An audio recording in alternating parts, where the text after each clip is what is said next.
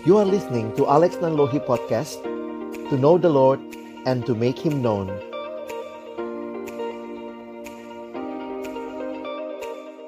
Apakah yang namanya cukup?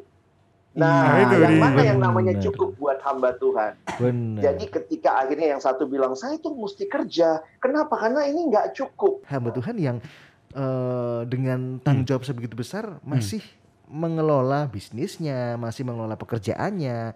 Nah, pandangan pastor bagaimana? Saya melihat 10-20 tahun lagi ketika Jonathan benar-benar menanggapi panggilan hidupnya, Hmm. sepertinya akan mirip seperti Pak Gideon gitu ya. Oh gitu ya. Depannya ada evangelisnya. EV, EV.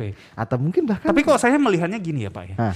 Nanti itu kan suka ada ya di Iya. dalam ibadah itu yang eh, khotbahnya relay. Iya, iya. Jadi satu khotbah gitu ya dibagi dua. Ah. Kayaknya sama evangelis Nathan nanti. Enggak dong.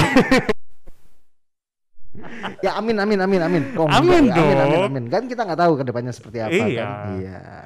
Hari ini sobat Raida kita itu bener-bener apa ya? eh, kepengen banget geli gitu ya. Ih, kepengen Geli? dibahas gitu loh.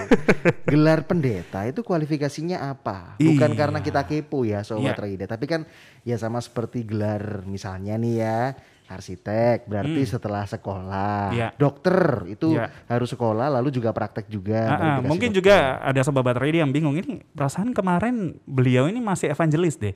Kok sekarang dipanggilnya pastor? atau mungkin sudah ada dari pendengar yang Iya. terpanggil nih Jo Iya. saya ini kepengen jadi pendeta tapi apa ya alurnya supaya ke sana Atau mungkin ada yang tanya juga Pak. apa tuh Udah sekolah STH pasti jadi pendeta nggak sih? hari ini supaya nggak makin banyak pertanyaan kita akan ngobrol sama Pastor Alex Nanlohi dari Betul, mana nih dari? Perkantas Jakarta. Shalom Pak Alex, halo. halo Halo, shalom. terima kasih Pastor Pak Alex Jonathan, sudah Pak join Ya. Sobat Bakra Yuda. Yeay, kabarnya gimana Pastor Alex baik Baik, puji Puji Tuhan, Tuhan. puji Tuhan, puji Tuhan. Eh, di kondisi yang seperti ini tuh yang penting sehat, gitu ya. Benar. Yang penting Iya, bisa jaga betul. protokol, bisa jaga kondisi. Wah itu kita udah satu kabar yang sukacita ya, Iya. Ya. Benar banget. Pastor Alex, hari ini kita bicara tentang Iya. gelar pendeta, kualifikasinya apa? Tapi saya bikin yang bikin saya penasaran nih, anak muda, anak muda nih, Pastor. Zaman now itu ketertarikan Iya. untuk jadi pendeta itu banyak atau stabil atau sama aja atau bahkan menurun nih, Pastor. Kalau boleh tahu nih, menurut penerawangan, bukan penerawangan, menurut Penerawangan. menurut pandangan Pastor Iya. Alex. Saya sendiri memang nggak punya data pasti Mm-mm. Hmm. untuk hal ini, tapi kalau ditanya, eh, ya saya sih melihat di sekolah-sekolah teologi masih Ya. banyak anak-anak muda yang menyerahkan diri dan jadi hamba Tuhan. Jadi Hmm. saya boleh katakan ya tetap ada gitu ya. Gimana kalau bilang naik atau turun? Ya mungkin kita perlu survei yang mendalam, tetapi saya tetap bersyukur Tuhan memanggil anak-anaknya untuk Hmm. dibentuk Wow. jadi hamba Tuhan sih. Puji Tuhan, Oke, puji Tuhan. seperti Wah, itu. Bikin tenang ya. Minimal tuh anak-anak kita ntar ada yang ngajarin gitu ya. Kalau kita nggak jadi, kalau Iya. kita nggak anu gitu, kalau kita Ya nggak apa? khotbah gitu Iya. misalnya, Hmm. Kan ada teman-teman kita yang ntar Iya. ngajarin anak kita gitu. Puji Tuhan. Kabar baiknya tuh ya sobat Raida. Jadi nggak bukan yang musiman gitu ya. Hmm. Uh tahun sekian, uh hits banget. Terus sekarang agak sepi yang sekolah Alkitab Iya. gitu. Tapi stabil lah. Ada yang kuliah. gitu Bukan tren ya. Mm-mm. Tapi balik lagi ke topik deh Pak Alex. Gelar pendeta itu Iya. kualifikasinya kayak gimana sih di- eh, untuk disebut seorang pastor gitu loh? Iya. Apa sih kok Saya- ada ada yang membedakan gitu Heeh, kan? Saya sempat mikir loh, Bester. Hmm. Oh mungkin EV dulu, baru PDP dulu, baru PDM, baru PDT. Saya tuh sempat Iya, mikir kayak iya, gitu ya. tuh, Bester. Itu kayak ini ya jabatan ya. iya, kayak gitu. Kalau Gimana, menurut Bester? Pak Alex sendiri gimana? Nah, kita mungkin perlu untuk mulai dengan melihat bahwa di Alkitab tuh nggak ada ya istilah pendeta. Hmm. Jadi menarik kalau kita perhatikan di dalam Alkitab justru istilah yang dipakai untuk orang yang memimpin jemaat itu dipakai istilah gembala. Dipakai istilah penilik jemaat, Hmm. dipakai istilah penatua dan diaken. Jadi mungkin itu dulu yang kita harus pahami bahwa di dalam jemaat Tuhan pada pada eh, masa-masa di Alkitab Hmm. awalnya khususnya perjanjian baru kita tidak bertemu dengan istilah pendeta, Hmm. tetapi orang yang memimpin jemaat itu digambarkan sebagai seorang tadi ya gembala, Ya. penilik sehingga kalau kita mau mencari kualifikasinya di Alkitab pendeta, ya perhatikan ayat-ayat yang berbicara tentang kualifikasi penilik jemaat, gembala. Nah, itu banyak ayatnya ya dan kita bisa melihat salah satunya yang terkenal adalah di 1 Timotius pasal 3 Mm-mm. ayat 1 sampai 7 lalu dilanjutkan lagi di awal kitab Titus juga ada. Nah, ini mau menunjukkan bahwa pendeta itu adalah pemimpin jemaat orang yang kalau ditanya kualifikasinya yang pertama dan terutama yaitu mendapatkan panggilan Tuhan Hmm. untuk menjadi pemimpin bagi eh, jemaat milik Allah. Ya. Jadi makanya di dalam prosesnya kalau kita lihat karena ini adalah panggilan Tuhan, ada kualifikasinya. Kualifikasinya itu harus eh, logikanya gini ya, dapat konfirmasi juga dari jemaat Tuhan. Hmm. Karena kalau Tuhan yang sama yang memimpin, Tuhan yang sama yang memiliki jemaat, maka harusnya konfirmasinya bukan cuma dari yang dipanggil, tetapi dari jemaat yang nantinya dia akan Hmm. melayani. Ya. Nah, karena itu secara sederhana ya, kalau kita lihat di Alkitab, saya ambil satu ayat lah ya, 1 Timotius 4 ayat 16. Hmm. Di dalam bagian ini Paulus berkata, awasilah dirimu dan awasilah ajaranmu. Hmm. Nah, kualifikasi yang sangat dasar sebagai pemimpin jemaat adalah punya ajaran yang benar. Ya. Ya, ajaran itu berkaitan dengan ajaran yang benar, bukan ajaran yang palsu, Hmm. bukan ajaran yang sesat. Dan yang kedua, awasilah hidupmu itu berkaitan dengan hidup yang baik. Ya. Jadi ini dua hal benar berkaitan dengan ajaran, baik berkaitan dengan moralitas, berkaitan dengan karakter. Hmm. Nah, karena itu kalau kita perhatikan baik di 1 Timotius 3, di Titus pasal 1, itu kualifikasinya pemimpin jemaat itu selalu berkaitan dengan dua hal ini. Hmm. Ya. Pengajaran dan tentunya hidupnya ya, moralitas dan karakternya. Kira-kira begitu secara Oke, sederhana. baik. Baik. Dua poin ya, Iya. pengajaran dan moralitas hidupnya. Kalau pengajaran berarti nih ya, kalau boleh saya mikir nih Jonathan ya, Iya. berarti kan juga harus kalau boleh ngajak apa, kalau eh, bisa ngajarin jemaat, Hmm. isi kepalanya juga harus isinya firman dan Mm-mm. dalam sekali. Betul Berarti ya betul pendeta harus sekolah Alkitab berarti ya, Pak Alex ya. Kayak gitu, Pastor.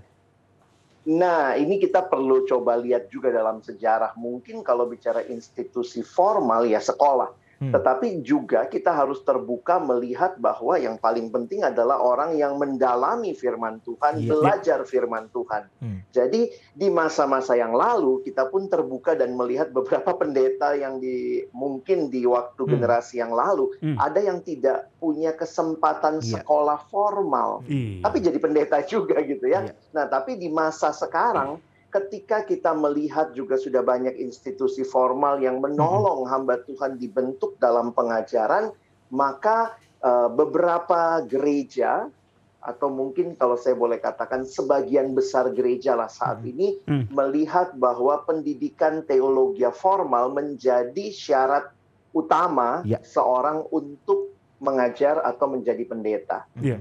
Hmm. Ya, tapi dalam realitanya juga kita harus eh, lihat gitu ya bahwa yang paling penting adalah dia memahami Alkitab, Hmm. memahami kebenaran karena itu yang akan diajarkan. Nah, Ya. jadi itu di situ saya pikir kita harus lihat titik temunya. Oke, Baik. jadi tetap perlu Hmm. untuk sekolah. Intinya belajar gitu, ya. Iya. Tapi menarik belajar. tadi Pak Pak Alex eh, Hmm. bilang gitu ya. Pokok pertama itu dipanggil sama Tuhan. Ya. Nah, ini Pak Alex. Kalau misalnya dipanggil Iya. Tuhan, tapi saya nggak mau sekolah, gitu Hmm. kan. Untuk pastor, gelar pastor, nggak deh. Saya gini aja deh. Oh. Yang penting saya bikin kayak kelompok doa. Oke, gitu. oke, oke. Nah kalau kayak gitu, gimana Pak Alex?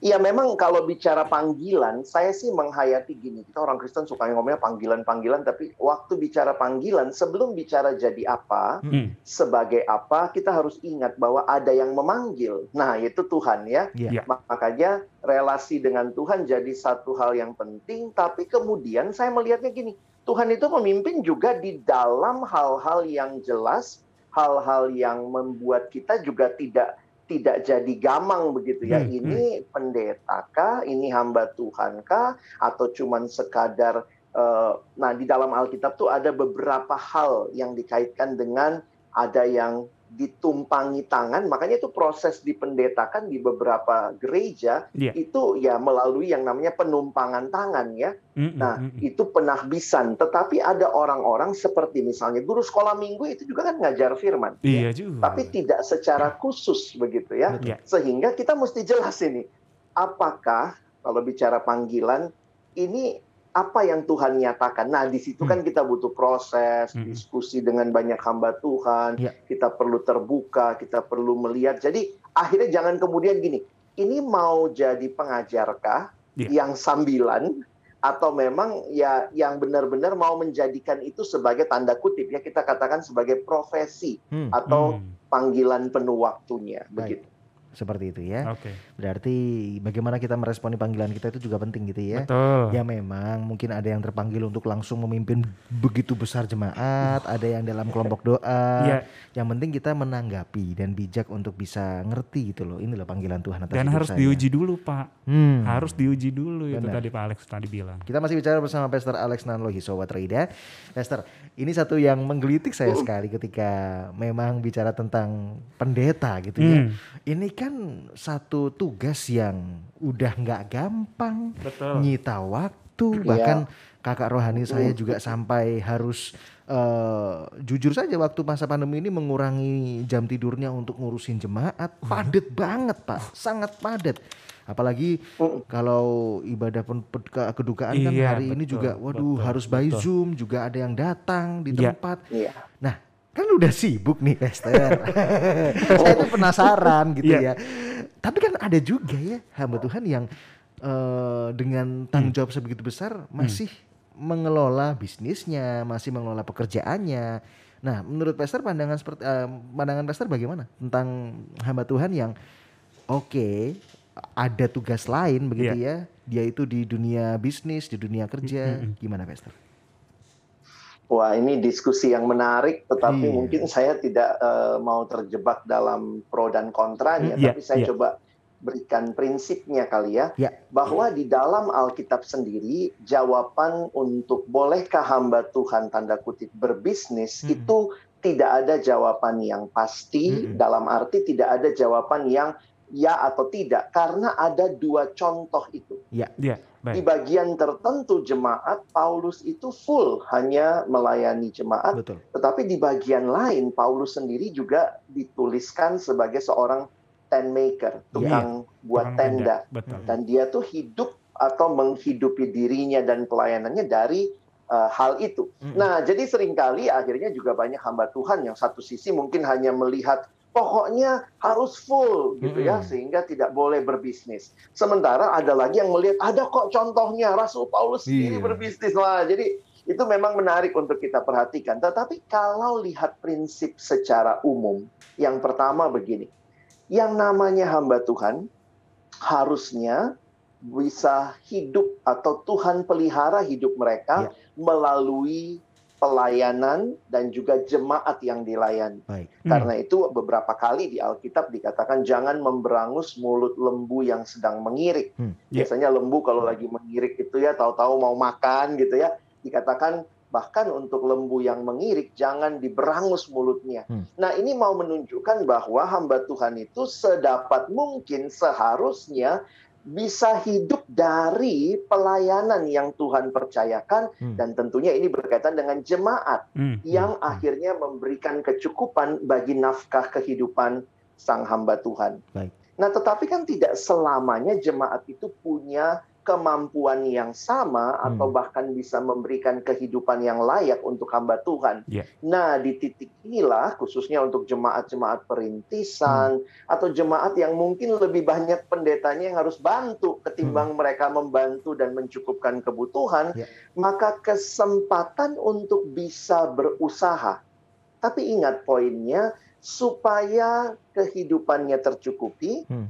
Supaya tidak membebani jemaat dan bahkan bisa memberi lebih bagi jemaat. Jadi dalam situasi seperti itu ada yang mengizinkan hmm. dan juga ini terjadi di dalam beberapa pelayanan misi khususnya dalam perintisan. Hmm. Tetapi kalau jemaatnya sudah makin bertumbuh, sudah makin baik secara perekonomian, mesti kembali ke prinsip pertama Hmm. bahwa jemaat harusnya dipakai Tuhan memenuhi kebutuhan hamba Tuhannya. Hmm. Jadi saya pikir di titik itulah kita akhirnya melihat tergantung gereja masing-masing yang punya sistem, ada gereja yang mengizinkan, ada yang tidak mengizinkan. Ya. Nah, sering kali nanti diskusinya di sini. Iya. Apakah yang namanya cukup?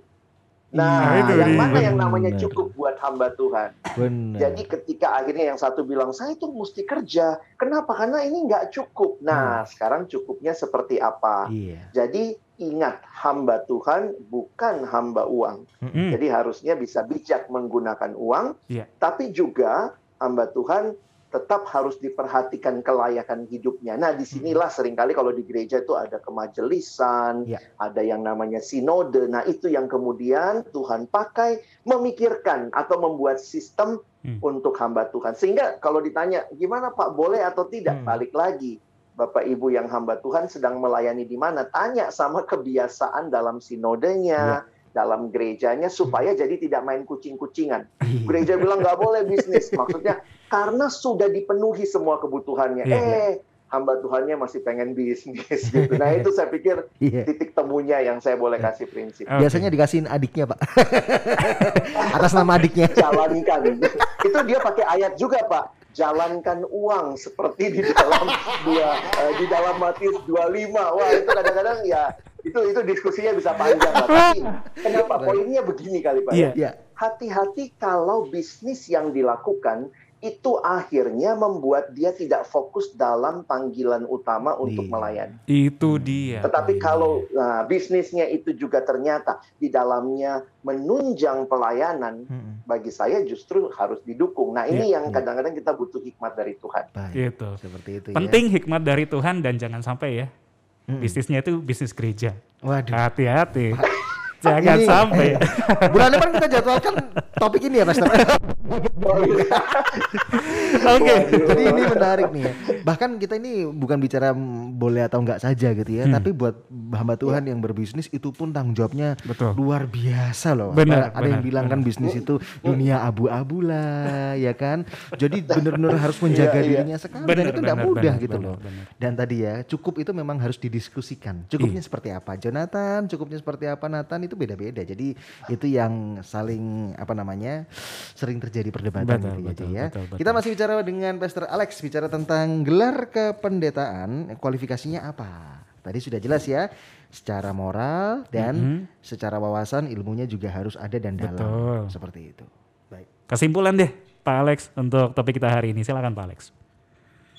Iya, jadi saya kembali melihat bahwa ini eh, sesuatu yang harus dipertanggungjawabkan lah ya di Hmm. hadapan Tuhan setiap panggilan, termasuk panggilan sebagai hamba Tuhan. Ya. Walaupun sekarang ada berbagai gelar yang diberikan, kalau ada yang nanya, jadi apa? Ada yang nanya sama saya, pendeta sama pastor bedanya apa? ya bedanya satu bahasa Indonesia, satu bahasa Inggris, tapi sama sih ya secara pemahaman. Dan karena itu di beberapa gereja juga mungkin ini sedikit menambahkan bahwa ada proses tadi yang Pak Iya. Jonathan, Pak Nathan juga katakan, proses itu yang membuat akhirnya ada semacam tingkatan Hmm. ya. Hmm. Jadi ini masih evangelis dulu, Iya. ketika semakin dikonfirmasi pelayanannya akhirnya ada penumpangan tangan untuk mempendetakan. Dan mempendetakan itu juga tanggung jawab yang besar karena betul. kemudian dia bisa melayani sakramen, Hmm. Iya. kemudian dia bisa melayani baptisan, Mm-mm. melayani perjamuan, bahkan bisa menumpangkan tangan untuk pemberkatan nikah. Nah, Dan itu dia. itu yang tidak didapat atau belum diberikan kepada mungkin penginjil atau Hmm. evangelis. Apa bedanya penginjil sama evangelis? Hmm. Satu bahasa Indonesia, satu bahasa Inggris. Sederhana sih sebenarnya. Balik lagi ya. Tapi Saya udah- kembali lagi ya. ya, Silakan. kembali kepada kesimpulan saya tadi bahwa Hmm. setiap uh, panggilan harus kita pertanggungjawabkan, Hmm, yes. termasuk panggilan untuk menjadi hamba Tuhan, pendeta, penginjil. Itu bagi kita harus Yes. dipertanggungjawabkan. Nah. Baik, makasih. Luar biasa. Jadi udah anu ya jelas ya sobat Roida kalau yang sudah tergerak hatinya iya nih berarti saya udah terpanggil. Untuk nih. kita gimana? Udah jelas. Oh, saya kita harus sekolah lagi atau tidak kan? saya, saya dalami dulu. Iya, saya, saya iya. Nanti kalau mau daftar bareng Pak ya. iya, iya. Ada satu yang harus saya bakar. wow. Tapi nantilah ya. Pokoknya kita nggak mungkin akan eh, komitmen kita nggak mungkin akan nolak gitu Iya ya. Kalau memang itu udah bang- waktunya ya kita akan jalankan gitu ya. Terserah Tuhan mau arahkan Betul. ke mana. Pastor Alex ada Instagramnya. Ada. Wah, Pastor Alex ini seneng banget saya. Di TikTok ada. TikTok di ada. IG juga ada. Spotify ada Ah. gitu kan. Kalau di Instagram Anda bisa follow nih di Alex Nanlohi Ya. 74 ya. Alex Nanlohi pakai Y belakangnya 74 gitu ya. Di situ. Di follow biar jadi 11K. Iya, 11 k 11 ribu, mantap. Bisa swipe up. Bisa swipe up sudah. Pastor Alex, makasih banget kalau hari Thank ini you, kita Pastor boleh dapat satu, satu wawasan baru dan Hmm. semoga ini bisa makin memantapkan setiap pendengar dan kita juga gitu ya. Oh, ini jalannya. Oh, Benar. ini caranya gitu ya. You are listening to Pujian terbaik yang memberkati 96.4 Bahtera Yuda FM The sound of faith, hope, and love.